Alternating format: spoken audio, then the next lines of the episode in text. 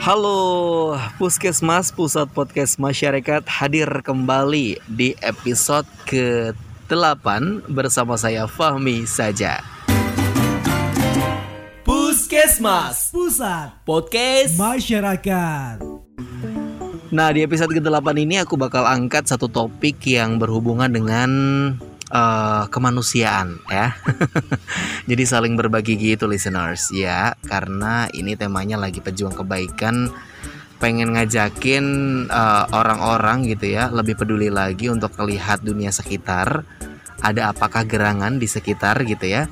Nah kali-kali dengan kita sharing hal-hal yang berbau dengan kebaikan kita bisa saling terinspirasi dan juga saling uh, mensupport satu sama lain. Nah kali ini ada salah satu uh, lembaga sosial aduh bisa dibilang lembaga sosial atau enggak ya?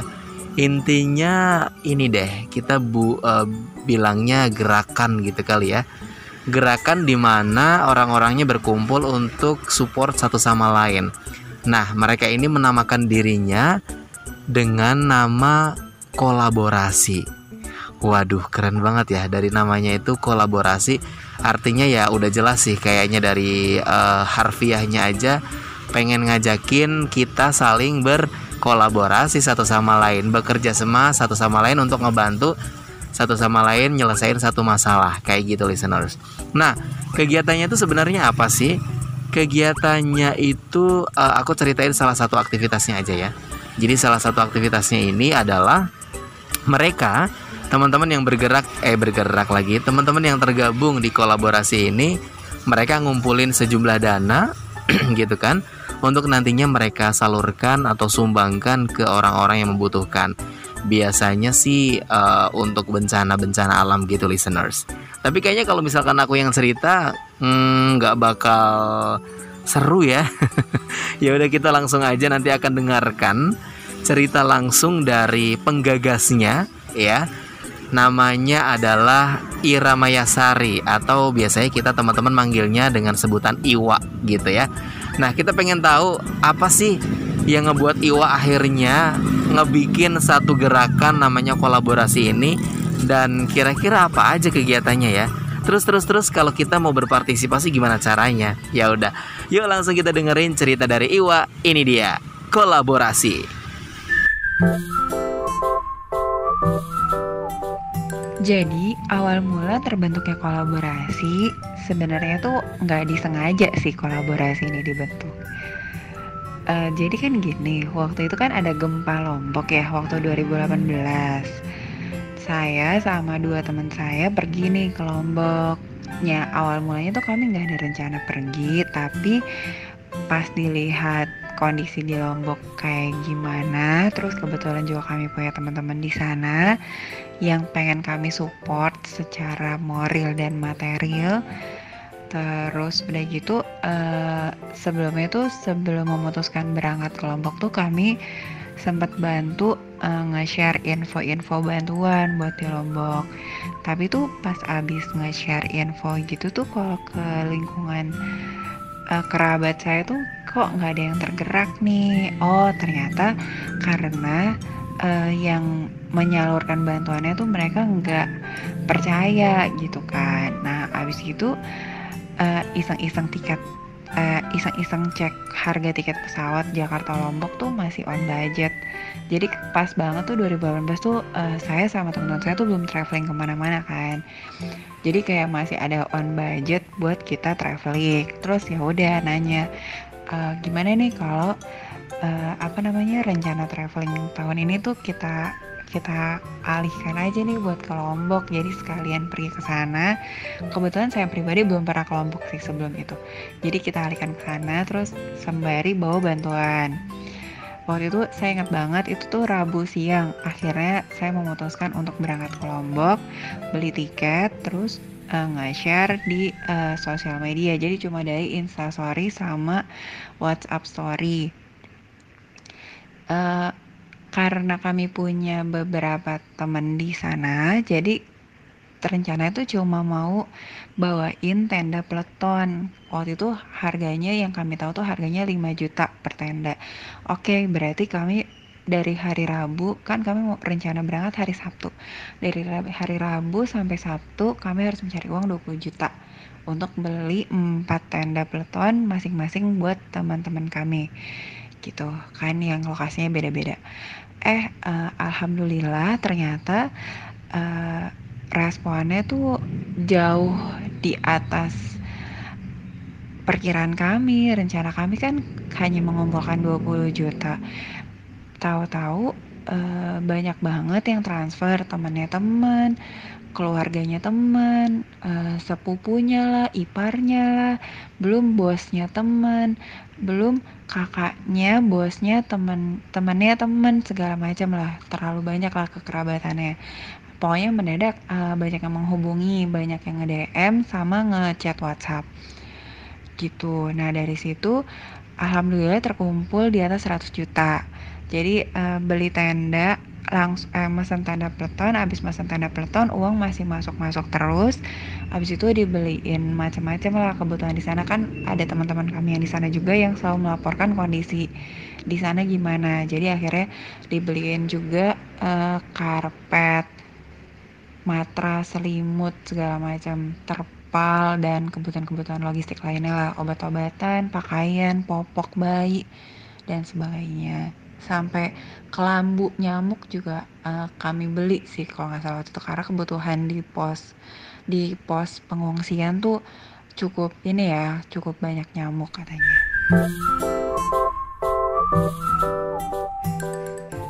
Jadi bentuk kegiatan kolaborasi sih uh, jatuhnya jadi kayak penyaluran bantuan kepada korban bencana.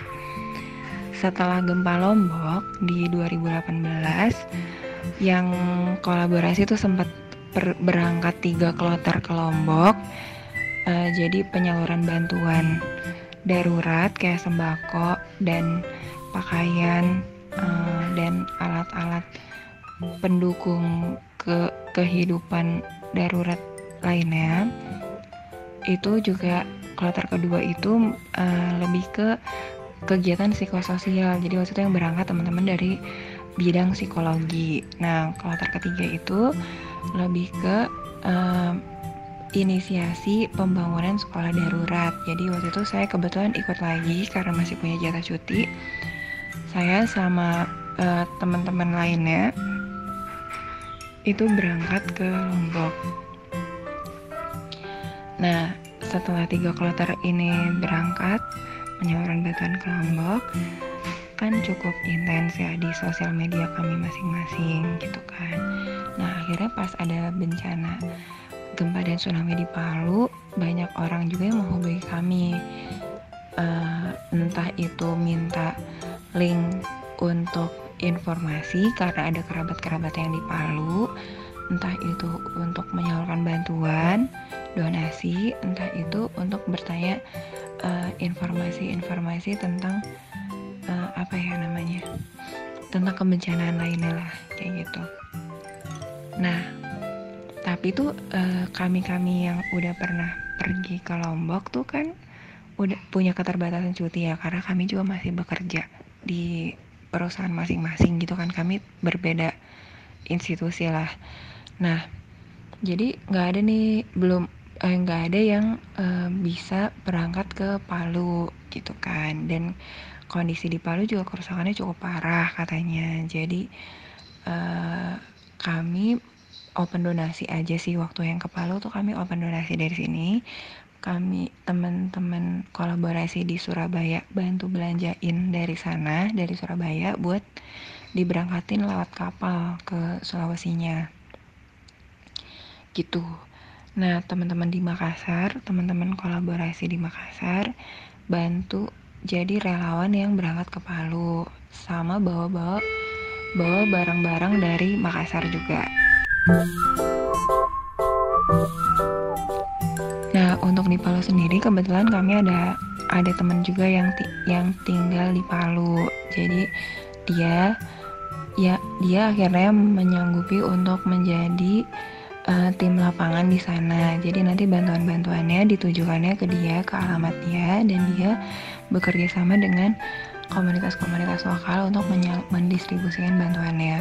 Untuk Palu sendiri uh, ada 30 titik uh, 30 titik bantuan. Jadi itu uh, ke ke pos-pos pengungsian dan ke rumah Pak RT Bu RT-nya gitulah kurang lebih.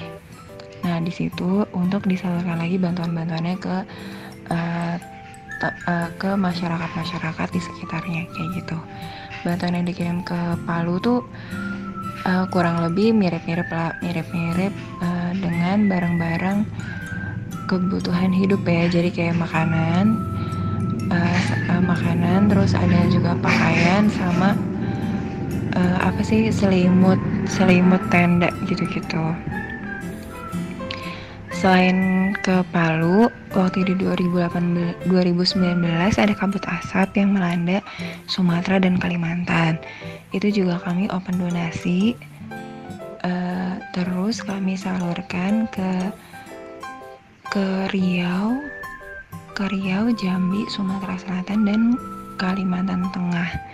Yang mana uh, di tiap-tiap provinsi itu totalnya dalam kota. Jadi ada Jambi, Pekanbaru, terus Musi Banyu Asin, Palangkaraya gitu terus ke mana lagi ya ke Muaro Jambi gitu nah eh, kami salurkan ke tempat-tempat yang kami punya kenalan relawan lo eh, komunitas lokal di sana. Jadi kami bekerja sama dengan enam komunitas lokal di tiap lokasi.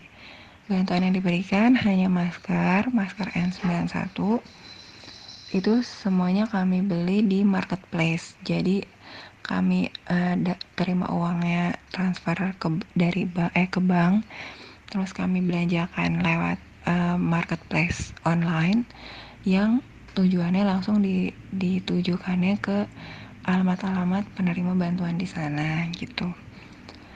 Dan ada salah satu toko yang kemudian um, menggratiskan ongkos kirim ke titik-titiknya karena uh, dia uh, tergerak juga ikut ingin ikut membantu para korban uh, kabut asap kayak gitu. Nah si toko ini juga sampai sekarang masih berhubungan baik dengan saya.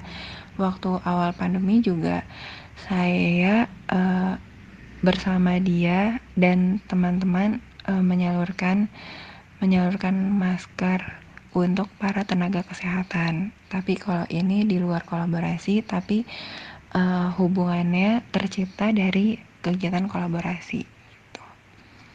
Nah, selanjutnya kegiatan terakhir terakhir kolaborasi adalah baru aja selesai itu adalah open donasi untuk NTT Badai Seroja. Ya kan kemarin baru ada Badai Seroja di NTT kebetulan lagi kami punya kenalan di Rotendao dan Saburai juga nah di sana uh, kami me, apa menyalurkan bantuan sembako lebih tepatnya. Karena menurut info teman-teman di sana uh, sampai ladang pun uh, rusak. Jadi uh, teman-teman dan para warga di sana tuh masih ke kekurangan bahan makanan gitu. Terutama Rotendao dan Saburai Jua ini kan termasuk remote area ya. Jadi kalau uh, jauh pulau terpisah dari Kupang yang ibu kota NTT. Jadi kenapa kami sasarnya ke Rotendao dan Saburai Jua karena uh, belum banyak bantuan yang ke sana dan kebetulan kami juga punya lokal komunitas lokal yang uh, dapat mendistribusikan bantuan di sana seperti itu.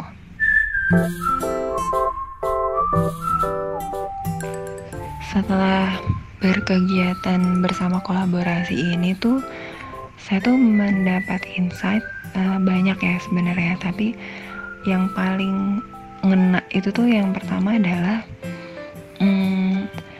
kalau misalnya kita mau membantu orang sebenarnya Allah tuh nggak pernah lepas tangan gitu. Jadi kita pun selalu dibantu. Jadi contohnya tuh ya misalkan waktu pertama kali open donasi itu tuh ya yang gempa lombok. Kan saya waktu itu maunya cuma bawa tenda peleton 4 biji. Harganya masing-masing 5 juta. Jadi saya tuh butuh 20 juta. Dari Rabu malam sampai targetnya tuh beli tenda peleton Kamis kalau nggak Jumat kan karena Sabtu pagi tuh udah dibawa. Yang mana saya juga belum pernah tuh berurusan sama tenda peleton gitu. Jadi masih nyari vendornya penjualnya gimana. Terus mesti mesen dulu apa enggak barangnya ready apa enggak segala macam. Jadi lebih cepat lebih baik. Tapi kan itu mepet banget ya. Terus saya sama teman saya sama dua teman saya tuh kayak duh kekumpul nggak ya 20 juta? gitu terus ya udahlah nanti sekumpulnya berapa kita beliin aja berapa. Kalau kekumpulnya 5 juta bawa aja satu tenda gitu. Eh ternyata alhamdulillah Rabu hari Kamis tuh uh, kebeli tuh tenda. Kebeli te Kamis sore tuh kebeli tenda. Habis bayar tenda 20 juta. Langsung masuk lagi uang 12 juta. Saya juga kaget syok waduh alhamdulillah banget nih. Ada uang masuk lagi 12 juta dibeliin apa ya? Terus teman saya update info ternyata banyak kebutuhan obat-obatan mulai mulai banyak penyakit di sana. Terus selimut selimut juga butuh karena udah mulai hujan dan sebagainya gitu. Udah terus uh, karena saya masih bekerja saya saya sempat nangis pagi-pagi. Ini banyak banget barang yang mau dibeli tapi saya kerja saya nggak ada belum bisa cuti karena sebenarnya lagi ada lagi ada deadline saya juga nggak bisa cuti terus tiba-tiba ada teman saya menghubungi wah uh, ini bantuan udah ada yang beliin belum kalau belum sini gue beliin gitu jadi akhirnya hari Jumat itu ada teman-teman saya yang yang akhirnya berangkat ke Tanah Abang dan Jatinegara buat balikin barang-barang itu. Terus bingung barang-barang itu gimana nih nanti packingnya segala macam. Ternyata ada lagi teman saya yang kayak kak apa yang bisa dibantu? Oh saya perlu bantuan packing. Oh ya udah saya hubungin. Akhirnya ada masing-masing nyari orang lagi gitu buat ngomongin teman-temannya bantuin packing. Jadi akhirnya terkumpul lah tim packing kayak gitu. Ada lagi teman saya yang kayak uh, eh, gue mau bantu bisa bantu apa ya gue besok mau ke bandara nih subuh subuh gitu tapi barangnya banyak banget 300 kilo gimana oh yaudah gue anterin ya gitu jadi ada ada juga teman-teman yang uh, merelakan mobilnya untuk dibawa barang-barang yang berat-berat itu di, untuk untuk mengantar ke bandara. Nggak berhenti sampai di sana.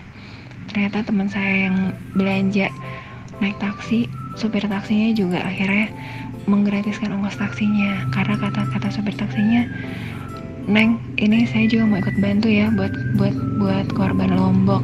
Kayak gitu. Jadi ternyata kekhawatiran saya di awal nggak kekumpul uang 20 juta ternyata masya allah sekali sih. Uang terkumpul lebih dari 100 juta. Dan nggak cuma itu nggak cuma nggak cuma itu saya bertiga sama teman saya tuh nggak bisa nih mengurusi ini semua. Ternyata banyak banget orang yang lebih dari 20 orang yang membantu kami dalam proses penyaluran bantuannya ini. Kayak gitu. Terus insight berikutnya adalah uh, sebenarnya tuh masih banyak loh orang-orang baik di Indonesia. Indonesia tuh pada dasarnya tuh amat sangat peduli satu sama lain. Kalau misalkan ada ada bencana tuh semuanya saling nyariin semuanya saling semuanya saling uh, mencari informasi bagaimana cara untuk membantu.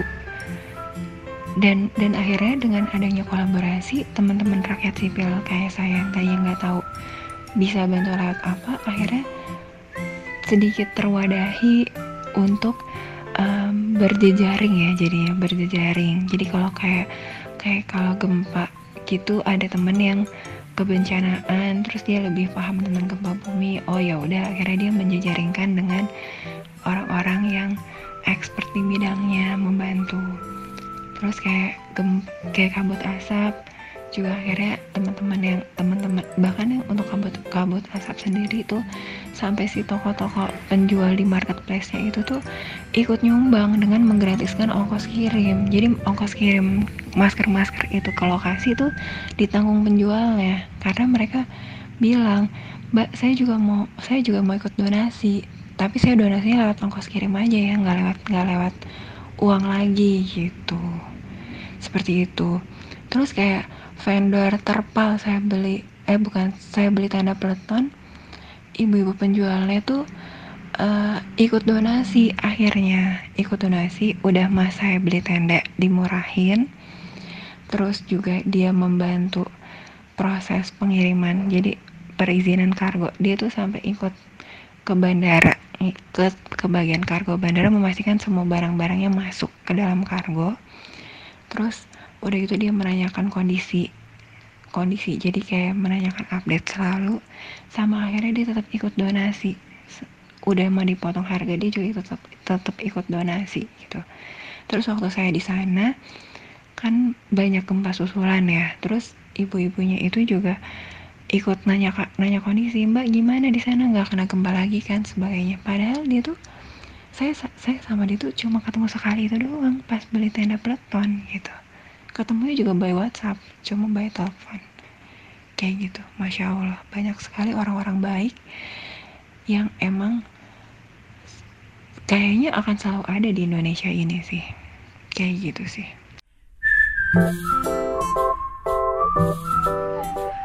Harapan ke depannya sih pengennya kalau saya pribadi kolaborasi tuh tetap bisa berkontribusi dalam penyaluran bantuan uh, terhadap uh, korban bencana. Semoga masih bisa dipercaya juga sih dalam mengemban amanah ini. Terus kalau bisa juga sih pengennya tuh kolaborasi uh, aktif uh, apa ya berperan mengedukasi masyarakat untuk mitigasi bencana. Jadi kegiatannya itu nggak cuma uh, merespon bencana yang sudah terjadi, tapi bisa juga memitigasi bencana agar tidak terjadi seperti itu.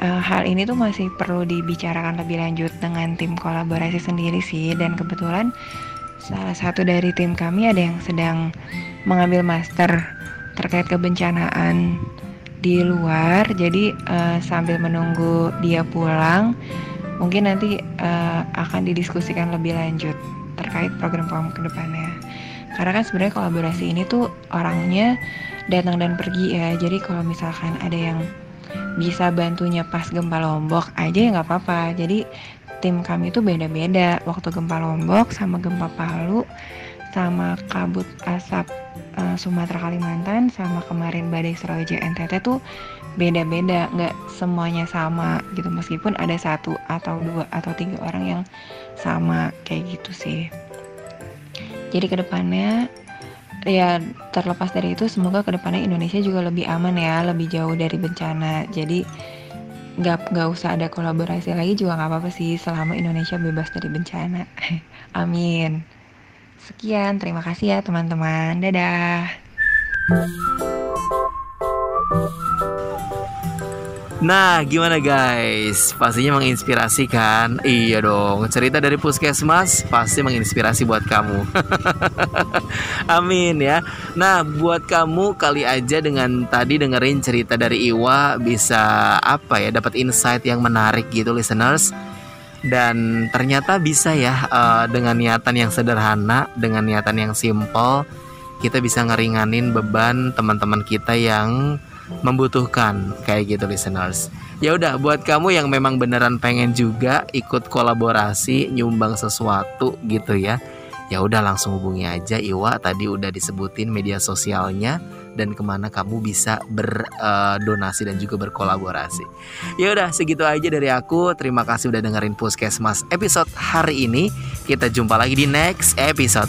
Bye bye. Terima kasih telah mendengarkan Puskesmas. Pusat Podcast Masyarakat. Jangan lupa dengarkan lagi minggu depan. Semoga cepat sembuh